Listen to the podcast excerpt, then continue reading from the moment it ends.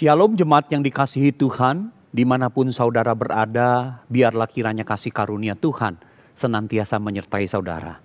Mari kita bersama-sama kita membuka satu bagian firman Tuhan dan sebelum kita membacanya, mari kita bersama-sama kita berdoa. Bapa di sorga kami bersama-sama datang menghadap hadiratmu. Sebentar lagi firmanmu akan kami baca, akan kami renungkan. Mohon hikmat marifatmu ya Tuhan menaungi kami sehingga kami boleh memahami kebenaran firmanmu. Berikan telinga dan hati seorang murid kepada kami semua supaya kami boleh menjadi pelaku firmanmu di dalam kami menjalani kehidupan kami sehari-hari. Urapi hambamu yang penuh dengan kelemahan kekurangan, mampukan untuk menguraikan firmanmu dengan jelas. Berbicaralah ya Tuhan, kami anak-anakmu siap untuk mendengarkannya. Demi nama Tuhan kami Yesus Kristus kami berdoa. Amin. Saudara mari bersama-sama kita membuka satu bagian firman Tuhan. Yang pertama-tama kita membuka Mazmur 133. Mazmur 133. Tema yang diberikan kepada saya hari ini untuk diuraikan adalah tetap mesra atau tetap rukun di tengah-tengah pandemi yang melanda kita. Mazmur 133 berbunyi demikian. Sungguh alangkah baiknya dan indahnya apabila saudara-saudara diam bersama dengan rukun. Seperti minyak yang baik di atas kepala meleleh ke janggut, yang meleleh ke janggut Harun dan ke leher jubahnya. Seperti embun gunung Hermon yang turun ke atas gunung-gunung Sion. Sebab ke sanalah Tuhan memerintahkan berkat kehidupan untuk selama-lamanya. Satu bagian lagi saudara sekalian saya rindu mengajak saudara membaca ayat Pak Efesus pasal yang kelima.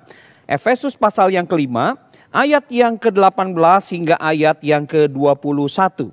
Efesus 5 ayat 18 hingga 21 berbunyi demikian. Dan janganlah kamu mabuk oleh anggur karena anggur menimbulkan hawa nafsu. Tetapi hendaklah kamu penuh dengan roh dan berkata-katalah seorang kepada yang lain di dalam mazmur, kidung pujian dan nyanyian rohani, bernyanyi dan bersoraklah bagi Tuhan dengan segenap hati. Ucaplah syukur senantiasa atas segala sesuatu dalam nama Tuhan kita Yesus Kristus kepada Allah dan Bapa kita. Dan rendahkanlah dirimu seorang kepada yang lain di dalam takut akan Kristus. Kalau saudara membaca ayat 22 pasal 5 ini, selanjutnya sampai pasal yang ke-6 berbicara tentang berbagai-bagai hubungan dari orang-orang yang dipenuhi oleh roh itu. Saudara, mari kita bersama-sama merenungkan tentang tema ini, tetap mesra di tengah pandemi. Tapi sebelum saya menguraikannya, saya mendapat data dari uh, Jawa Timur. Saudara data dari Jawa Timur, data perceraian dan pernikahan dini di Jawa Timur akibat pandemi ini sungguh sangat mengagetkan saudara sekalian. Kasus perceraian tahun 2019 itu terjadi 8.303 kasus. Sedangkan saudara sekalian selama masa pandemi hingga September 2020 kasus yang harus ditangani tentang perceraian itu adalah 55.747 kasus. Betapa mengerikannya. Di samping itu juga ada kenaikan kasus pernikahan dini. Tahun 2019 5.127 orang yang menikah dini. Married by accident, menikah karena kejadian sesuatu. Nah saudara sekalian sedangkan hingga September 2020 itu ada kenaikan yaitu menjadi 6084 orang yang dinikahkan di dalam pernikahan dini. Saudara lihat saudara sekalian, ngeri ya. Pandemi ini bukan hanya menggoyahkan sendi-sendi perekonomian, sendi-sendi kehidupan sosial masyarakat, tetapi juga sendi-sendi kehidupan keluarga. Saudara kalau kita melihat data perceraian dari 8.303 Kemudian saudara sekalian itu satu tahun 2019. Kemudian dari Januari hingga September 2020 menjadi 55.747 kasus. Saudara memang tidak heran saudara sekalian. Karena ada satu survei kecil-kecilan juga yang pernah dilaksanakan untuk orang-orang yang sudah menikah di atas 10 tahun ditemukan saudara sekalian. 85% dari mereka yang sudah menikah di atas 10 tahun tidak puas dengan pernikahan mereka. Atau boleh dikatakan tidak bahagia, sengsara karena pernikahan mereka. 10% mereka mengatakan cukupan, bolehlah, lumayan begitu. Hanya 5% yang mengatakan bahwa mereka bahagia di dalam pernikahan mereka. Maka itu saudara sekalian kalau sekian banyak orang 85% ditemukan tidak puas dengan pernikahannya. Dan kemudian mengalami sebuah tekanan masa-masa pandemi ini. Tidak heran saudara. Kasus perceraian itu semakin meningkat. Nah saudara-saudara sekalian apalagi saudara di tengah-tengah pandemi ini kedekatan itu semakin dekat. Stres itu semakin banyak. Tidak heran terjadi banyak perceraian. Tapi itulah kenyataan pernikahan saudara sekalian. Rasanya begitu mudahnya orang berkata, yuk nikah, yuk cerai. Saudara itu pernikahan mudah untuk dimulai, tetapi sulit untuk dipertahankan. Mudah untuk jatuh cinta, tetapi begitu sulitnya untuk membangun cinta. Yaitu dengan memelihara kerukunan dan kemesraan hidup di dalam berkeluarga. Saudara Mazmur 133 ini adalah satu nasihat yang begitu indah bagi kehidupan kita di dalam kita membangun hubungan-hubungan kita. Saudara Mazmur 133 ini tidak perlu ditafsirkan terlalu sulit. Berkata dengan lugas, saudara yang mengatakan begini, sungguh alangkah baiknya dan indahnya apabila saudara-saudara diam bersama dengan rukun. Saudara di mata Tuhan itu bukan hanya baik tapi juga indah. Saudara bayangkan ini luar biasa saudara ya. Karena apa? Banyak hal-hal yang baik tidak indah kelihatannya. Dan sering kali banyak hal-hal yang indah kurang begitu baik saudara sekalian. Tetapi saudara Alkitab mengatakan sungguh alangkah baik dan indahnya. Apa yang baik dan indah di dalam pandangan Tuhan ini? Yaitu jikalau saudara-saudara hidup dengan rukun. Yaitu kalau umat Allah itu hidup bersama dengan rukun. Dan harus kita akui saudara sekalian. Sungguh alangkah baik dan indahnya kalau keluarga-keluarga juga hidup rukun. Kenapa? Karena keluarga itu adalah satu komunitas yang paling terkecil di dalam kehidupan umat Allah. Di situ dikatakan sungguh alangkah baik dan indahnya jika saudara hidup rukun. Bahkan sampai kemudian diberikan sebuah ilustrasi yang begitu indah. Seperti minyak yang begitu mahal. Yang ketika di dalam pengurapan seorang imam besar itu dicurahkan. Itu meleleh dari atas kepala ke janggut sampai ke leher jubah. Wow saudara kebaikan dan keindahan itu digambarkan seperti sebuah minyak yang sangat berharga dan sangat unik dipergunakannya. Yaitu untuk penabisan seorang imam. Bahkan kemudian diumpamakan seperti embun dari gunung Hermon yang turun ke gunung-gunung Sion. Satu aliran-aliran air yang memberikan kehidupan kepada semua yang hidup di gunung-gunung Sion itu. Itu yang dilihat oleh Allah. Sungguh alangkah baik dan indahnya kalau satu komunitas umat Allah itu hidup rukun. Dan karena itu baik dan indah di mata Tuhan, maka kemudian dikatakan sebab ke sanalah Tuhan memerintahkan berkat kehidupan untuk selama-lamanya. Saudara bayangkan berkat di mana-mana itu diperintahkan hadir di tengah-tengah orang yang hidup rukun oleh Allah, sang sumber berkat itu. Bahkan berkat itu bukan berkat biasa saja saudara. Tetapi berkat yang berisi kehidupan untuk selama-lamanya. Maka itu saudara sekalian kita bisa simpulkan dari Mazmur 133 ini. Yaitu bahwa hidup rukun itu adalah wadah yang indah bagi Tuhan untuk ia menaruh berkat kehidupan. Prinsip ini saya kira berlaku di dalam kehidupan kita sebagai suami istri, sebagai keluarga, sebagai gereja dan lain sebagainya.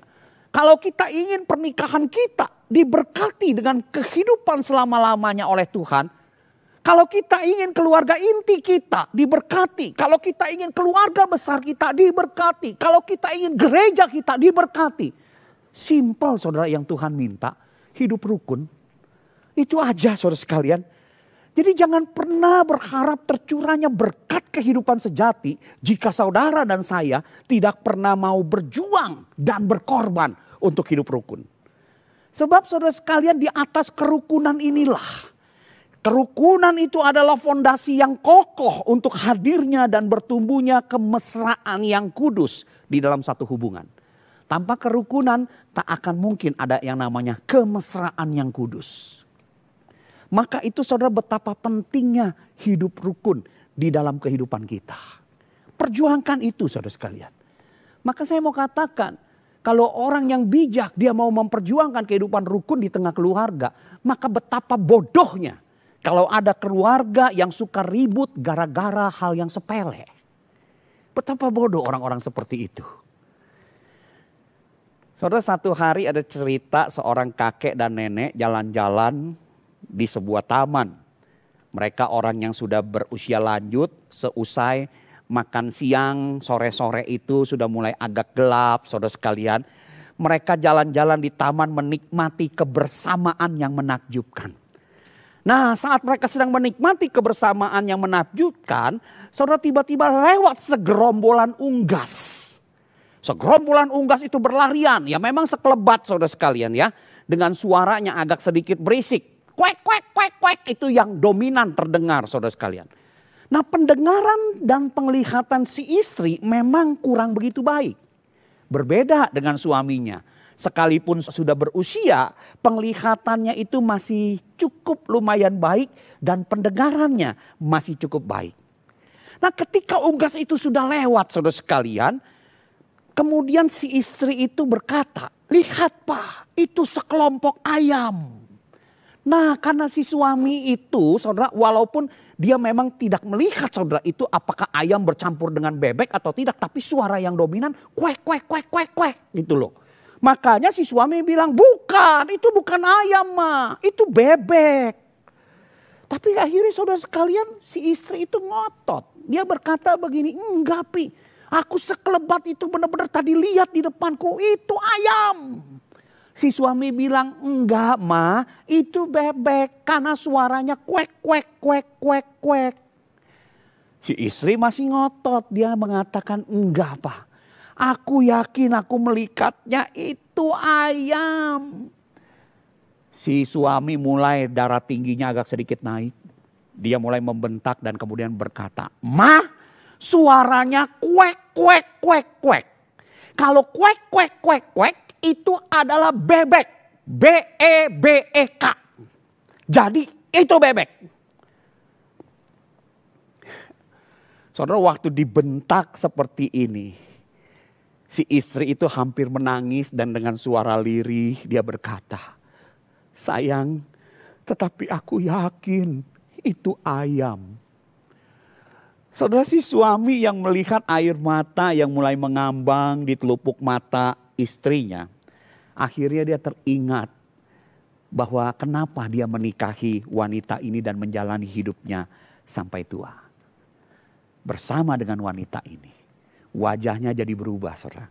Wajahnya yang tadi mulai merah padam, si suami ini akhirnya mulai melembut. Dan kemudian berkata dengan mesra, maafkan saya ya sayang kurasa kamu benar.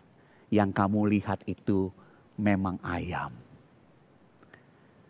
Si istri dengar jawaban itu langsung genggam tangan suaminya dan berkata, terima kasih ya sayang. Dan terdengar suara mengiring pegangan tangan kedua orang yang sudah berusia itu. Kuek, kuek, kuek, kuek, kuek. Si suami pikir pikir, dia berkata, siapa yang peduli itu ayam atau bebek. Jangan-jangan juga itu bebek bercampur segerombolan kecil ayam. Bagiku nggak penting mau itu bebek kek, mau itu ayam. Yang penting adalah keharmonisan hidupku dengan istriku dapat tetap kunikmati pada sore yang indah ini. Oh saudara sekalian, Betapa banyaknya pernikahan yang hancur hanya gara-gara persoalan sepele. Hanya karena masalah ayam atau bebek. Saudara ingat apa yang menjadi prioritas dalam hubungan pernikahan kita. Hidup rukun jauh lebih penting daripada mencari siapa yang benar atau salah untuk hal-hal yang sepele. Saudara di tengah pandemi seperti ini pasti banyak hal yang menekan dan mengganggu kestabilan emosi kita. Saudara mari kita berjuang. Jangan suka ribut tentang hal-hal yang sepele. Belajarlah dan berjuanglah untuk hidup rukun seperti yang Alkitab katakan. Ingat saudara sekalian, sebab ke sanalah Tuhan memerintahkan berkat. Kehidupan, untuk selama-lamanya. Perjuangkan itu. Kita masuk lebih dalam lagi saudara sekalian. Dari mana sebenarnya sumber kerukunan sejati? Oh saudara harus diakui. Mempraktekkan hidup rukun bukan hal yang mudah. Kenapa saudara sekalian? Karena memang harus diakui natur kita sebagai manusia adalah egois. Berpusat pada keuntungan dan kesenangan diri kita sendiri. Itu natur kita. Bahkan saudara sekalian harus diakui. Di dalam kehidupan pernikahan pun kita cenderung egois. Yaitu apa saudara sekalian? Kita lebih cenderung untuk mencintai fungsi seseorang daripada pribadi seseorang. Beberapa orang-orang yang sudah menikah kadang-kadang di dalam pertemuan pasangan suami istri saya suka tanya sama mereka. Eh kenapa sih kok engkau pilih Cici ini jadi istrinya? Kenapa nggak pilih yang lain begitu? Si Ingko ini sambil malu-malu dia berkata begini katanya. Ya gimana ya Pak, dulu waktu kami bertumbuh masih masih masa-masa pemuda di gereja harus diakui dia wanita yang paling cantik di mata saya. Ya karena dia cantik makanya saya deketin dia. Bukan cuma cantik pak, begitu diamat-amati juga pinter masak. Wah kalau masak masakannya enak pak. Bukan cuma pinter masak loh pak. Bahkan sejak masa muda dia senang mengajar anak-anak. Wah kalau wanita kayak begini kan saya nikahin pak. Hidup saya tuh terjamin. Semuanya itu pasti beres. Punya istri cantik, makanan terjamin baik, senang mengajar. Kalau seandainya saya punya anak lima atau enam orang, pasti dia juga sanggup mengajarnya. Oh nggak salah saudara sekalian baik. Saya tanya lagi sama si Enci, Ci kenapa Enci mau sama si Engkok? Ya gimana sih Pak, walaupun gak ganteng, tapi pria ini dulu di dalam kumpulan kami pria yang paling pinter. Bukan cuman pinter Pak, rajin kerja. Bukan cuman rajin kerja, orangnya juga ngemong, melindungi sama wanita seperti saya. Ya sudahlah begitu saya dekat dengan dia, hati saya langsung kelepek, kelepek, kelepek, kelepek. Begitu Pak, makanya kami menikah. Nah saudara itu berbagai alasan. Tapi kalau kita mau cermati saudara sekalian alasan kita memilih pasangan hidup pun kalau alasannya seperti itu saudara. Saya mau tanya. Sesungguhnya yang kita cintai pribadinya atau fungsinya. Kita sih ngomong I love you saudara sekalian. Tapi sering kali di, di perkataan aku cinta padamu yang kita cintai sebenarnya adalah fungsinya seseorang. Dan ketika fungsi itu sudah tidak lagi bisa kita nikmati, banyak orang-orang tertentu yang sudah kehilangan akhirnya kerukunan dan kemesraannya. Maka itu saudara sumber kemesraan sejati, sumber kerukunan sejati sebenarnya bukan terletak pada itu. Saudara maka itu saya tadi ajak saudara baca Efesus pasal 5 ayat 18 sampai 20. Saudara Efesus pasal 5 ayat 18 sampai 20 itu dengan jelas berbicara tentang yang namanya kehidupan orang yang dipenuhi oleh roh. Di situ dinasehatkan oleh Rasul Paulus, hendaklah kamu jangan mabuk oleh anggur. Mabuk anggur adalah orang yang digerakkan hawa nafsu. Tetapi hendaklah kamu penuh dengan roh. Kata roh itu ditulis dengan huruf besar. Berarti menunjuk pada roh kudus. Jadi jangan sebagai orang-orang pilihan Allah, anak-anak Allah yang sudah ditebus dan dibaharui oleh Allah, orang-orang yang sudah ada di dalam Kristus, hidupnya itu tidak boleh dikuasai oleh hawa nafsunya seperti orang mabuk. Tetapi dia harus membuka dirinya, menaklukkan dirinya supaya roh kudus itu memenuhi kehidupannya. Dia menjadi orang yang penuh dengan roh. Nah saudara sekalian penuh dengan roh ini kalau saudara bandingkan kepada ayat paralelnya Kolose pasal 3 ayat 16. Saudara akan melihat satu bentuk ayat paralel yang sama. Di situ diperkatakannya begini saudara sekalian. Kolose pasal 3 ayat 16 hendaklah perkataan Kristus diam dengan segala kekayaannya di antara kamu. Sehingga kamu dapat dengan segala hikmat mengajar, menegur, nyanyikan mazmur, pujian, nyanyian rohani. Dan segala sesuatu yang kamu buat, perbuatlah demi nama Tuhan dan untuk kesenangan Tuhan. Dan kemudian kalau saudara lihat turun lagi ke bawahnya Kolose pasal 3 ayat 18. Di situ juga terjadi hubungan istri, suami, hubungan orang tua, anak, hubungan Tuhan dan hamba. Jadi saudara sekalian, orang yang penuh dengan roh kudus, kalau kita melihat Alkitab itu adalah orang yang sama dengan orang yang hidupnya dipenuhi oleh firman Kristus. dan segala kekayaannya. Itu orang yang dipenuhi oleh Roh Kudus. Dan tanda sejatinya, kalau saudara lihat melihat ayat ke bawahnya, tanda sejatinya dikatakan orang itu hidupnya akan penuh dengan yang namanya pujian kepada Allah. Hidupnya juga akan penuh dengan ucapan syukur. Kalau saudara baca lagi ayatnya, hidupnya juga akan penuh dengan kerendahan hati terhadap orang lain. Nah, saudara, inilah kemudian yang menjadi tanda sejati dari orang yang dipenuhi oleh Roh Kudus. Jadi kalau saudara melihat Alkitab saudara sekalian, tanda sejati orang yang dipenuhi oleh roh kudus bukanlah berbagai tindakan keanehan. Bukan saudara sekalian. Tetapi justru yang akan ditemui adalah berbagai tindakan kesalehan. Itu orang yang penuh dengan roh kudus saudara sekalian. Dan praktek kesalehan sejati tersebut itu akan terlihat dari mana? Terlihat di dalam kemesraan hidup dalam berbagai hubungan yang mereka bangun. Itu praktek sejati yang terlihat. Kalau dia adalah seorang istri yang dipenuhi oleh Roh Kudus, dia akan menjadi seorang istri yang terus berjuang demi untuk Kristus supaya menghormati suaminya. Kalau dia adalah seorang suami yang penuh dengan Roh Kudus, hidup penuh dengan perkataan Kristus, dia akan berjuang menjadi suami yang mengasihi istri seperti Kristus mengasihi jemaat, bahkan lera mati bagi jemaatnya. Kalau dia sebagai seorang anak yang penuh dengan roh kudus, dia akan hormati orang tuanya demi Kristus. Sekalipun mungkin orang tuanya penuh dengan kelemahan kekurangan. Kalau dia adalah sebagai seorang tua, dia akan berjuang untuk tidak membangkitkan amarah di dalam hati anak-anaknya. Melainkan dia akan berjuang untuk mengajar mereka di dalam hidup takut akan Tuhan. Kalau dia jadi hamba ketika dia bekerja, dia bekerja seperti untuk Tuhan. Kalau dia jadi tuan, dia akan berusaha bagaimana bisa memberikan hamba-hambanya itu damai sejahtera dan menjauhkan diri dari segala ancaman. Saudara lihat terjadi kemesraan di dalam praktek hidup orang-orang saleh yang dipenuhi oleh Roh Kudus. Di situlah sebenarnya sumber dari yang namanya kerukunan sejati atau kemesraan sejati. Jadi saudara sekalian, kerukunan sejati atau kemesraan sejati hadir bukan dari perasaan nyaman karena dapat menikmati fungsi pasangan kita. Bukan.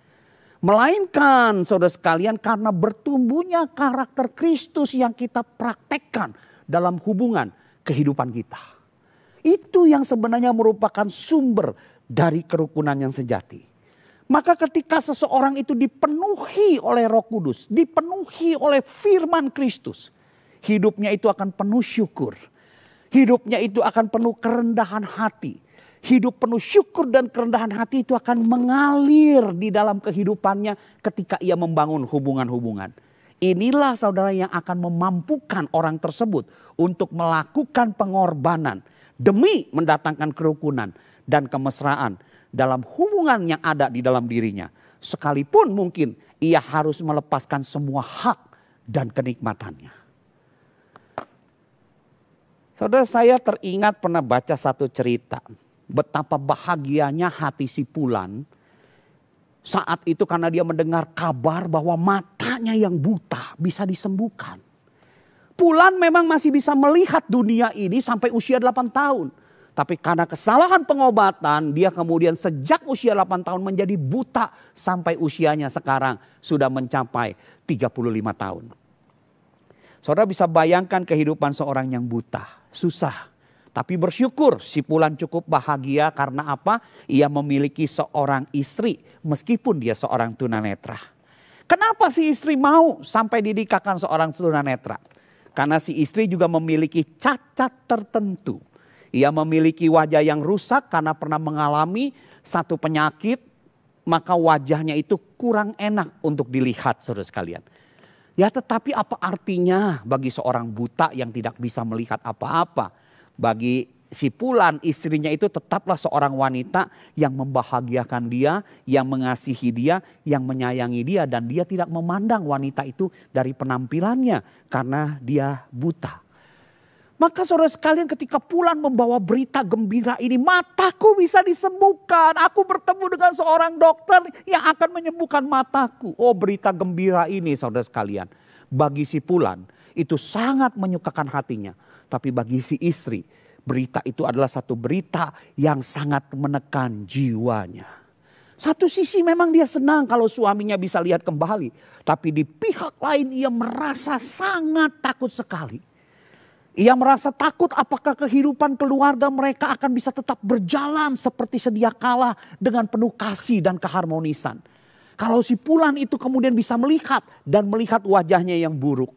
Ia takut perkawinannya itu akan menjadi kandas. Ia takut rumah tangganya itu akan menjadi hancur. Ia takut bagaimana kalau nanti si Pulan itu bisa melihat wajahnya dan kemudian meninggalkannya.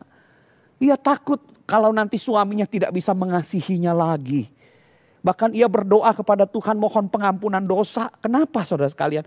Karena ia merasa begitu bersalah Sebab ia tidak mampu berbagi rasa dan turut merasakan perasaan gembira bersama suaminya. Dia merasa dia terlalu egois dengan perasaan takutnya itu. Karena ia terlalu mengasihi suaminya. Nah saudara sekalian semakin mendekati hari ahaknya pelaksanaan pengobatan itu. Si pulan hatinya makin gembira. Tapi si istri justru hatinya itu semakin takut. Perasaan takut ini dan perubahan dari si istri itu bisa dirasakan oleh si Pulan. Istrinya yang dulu gembira, sekarang itu seperti orang yang menjadi pendiam. Kurang bersemangat di dalam menjalani hidup dan suka murung dan suka melamun. Kalau ditanya tiba-tiba kaget dan jawabnya itu eh, tidak sesuai dengan apa yang ditanya. Si Pulan bisa rasakan itu. Maka saudara sekalian ketika hari H si Pulan akan berangkat untuk berobat Bel itu ditekan, berbunyi, si pulan jalan keluar untuk pergi bersama orang yang menjemputnya. Si istrinya tidak sanggup lagi untuk mengantar si pulan keluar. Karena apa? Begitu takutnya dan dia sudah tidak bisa lagi menahan rasa takut itu.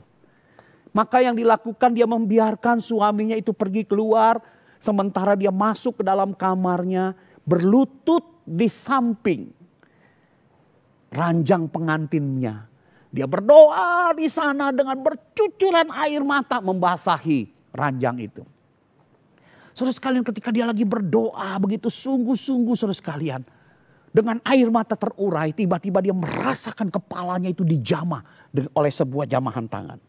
Dan kemudian tangan itu membelai kepala itu dengan lembut. Saudara dia begitu kaget. Dia pikir jangan-jangan ini malaikat Tuhan yang ingin menguatkan saya. Maka dia nengok ke belakang. Saudara betapa kagetnya ketika dia nengok ke belakang saudara sekalian. Ternyata yang berdiri di belakang itu adalah sipulan suaminya.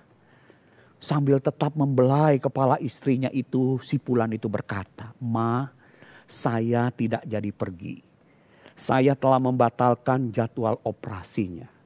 Bagi saya, kasih sayangmu adalah jauh lebih indah dan lebih berharga daripada bisa melihat biarlah saya tetap buta sampai dengan akhir ajal saya. Yang penting kita bisa berkumpul dengan penuh kasih sayang untuk selama-lamanya. Saudara lihat, cinta memberi pengorbanan.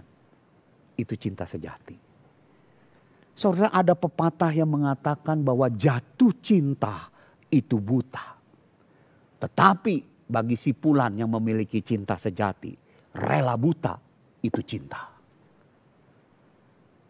Saudara bagaimana dengan kehidupan kita? Hari ini kita sudah menjadi inisiator belum untuk terjadinya kerukunan dalam hidup keluarga kita? Pengorbanan apa yang saudara dan saya sedang lakukan dan perjuangkan demi kebaikan pasangan kita atau keluarga kita? Oh saudara kalau kita mikir tidak ada pengorbanan ternyata yang ada adalah kita terus menuntut hak-hak kita. Wah saudara sekalian, berarti saudara dalam pandangan saudara hidup rukun bukanlah hal penting dalam hidupmu. Maka jika hidup rukun itu tidak penting, bagaimana mungkin bisa hadir kemesraan dalam hubungan keluarga? Kalau hidup rukun itu tidak penting, bagaimana Tuhan mau mencurahkan berkat yang adalah kehidupan selama-lamanya itu dalam hidup saudara? Saudara mari kita pikir, hari ini kita menjadi orang-orang yang rela melepaskan hak atau orang yang selalu menuntut hak. Saudara, kapan terakhir kita melakukan pengorbanan bagi keluarga kita? Saudara, kalau kita begitu sulit menjawabnya, kapan kita terakhir melakukan pengorbanan? Jangan-jangan saudara sekarang selama ini kita bukan orang yang hidup di dalam kepenuhan roh dan firman Kristus. Melainkan orang yang hidup dengan penuh keegoisan diri dan selalu menuntut hak kita seperti orang yang mabuk anggur. Saudara bagaimana kehidupan kita? Bukankah saudara dan saya itu adalah umat tebusan Allah yang ditebus oleh Tuhan Yesus Kristus? Iya saudara sekalian. Iya. Kalau saudara dan saya adalah umat tebusan Kristus, kita harus hidup seperti Kristus. Saudara bagaimana Kristus hidup saudara? Alkitab dengan jelas mengatakan saudara sekalian. Kristus yang adalah Allah itu menanggalkan kealahannya, kemudian mengambil rupa untuk menjadi manusia. Demi apa saudara sekalian? Demi untuk menciptakan kemesraan hubungan antara Allah yang suci dengan kita yang berdosa. Untuk bisa ada jalan itu, dia tanggalkan haknya, dia kekang keilahiannya, dia turun ke dalam dunia. Saudara itu pengorbanan yang luar biasa saudara sekalian. Bukan hanya itu saudara, dia turun lahir bukan di istana tapi lahir di kandang domba. Demi untuk saudara dan saya. Lahir di palungan yang begitu kotor. Demi untuk membersihkan hati saudara dan saya yang begitu kotor dari dosa-dosa ini. Supaya hubungan yang mesra antara kita yang berdosa dengan Allah yang kudus itu bisa tercipta. Tapi tidak murah juga harganya, tidak berhenti sampai di kandang domba. Besar dia menyelusuri jalan menuju yang namanya Yerusalem dan Golgota. Itu yang Yesus lakukan. Di Golgota saudara sekalian dia berikan dirinya. Terima segala sesuatu yang begitu menyakitkan bagi dirinya. Sampai terpantek di atas kayu salib. Demi apa? Demi terciptanya hubungan mesra saudara dan saya dengan Allah yang suci. Yesus lakukan itu. Pengorbanan yang habis-habisan untuk orang yang tidak layak seperti saudara dan saya. Nah saudara sekalian jika demikian kalau kita sudah ditebus dengan pengorbanan Tuhan yang begitu besar, terlalu beratkah bagi kita untuk menyangkal diri dan menyalipkan segala keegoisan kita demi Kristus yang tersalib itu. Supaya apa? Supaya hal yang baik, yang indah di matanya, yaitu hidup rukun dalam komunitas Kristen yang paling kecil yaitu keluarga bisa terjadi. Terlalu beratkah dan terlalu mahalkah harganya untuk kita bayar?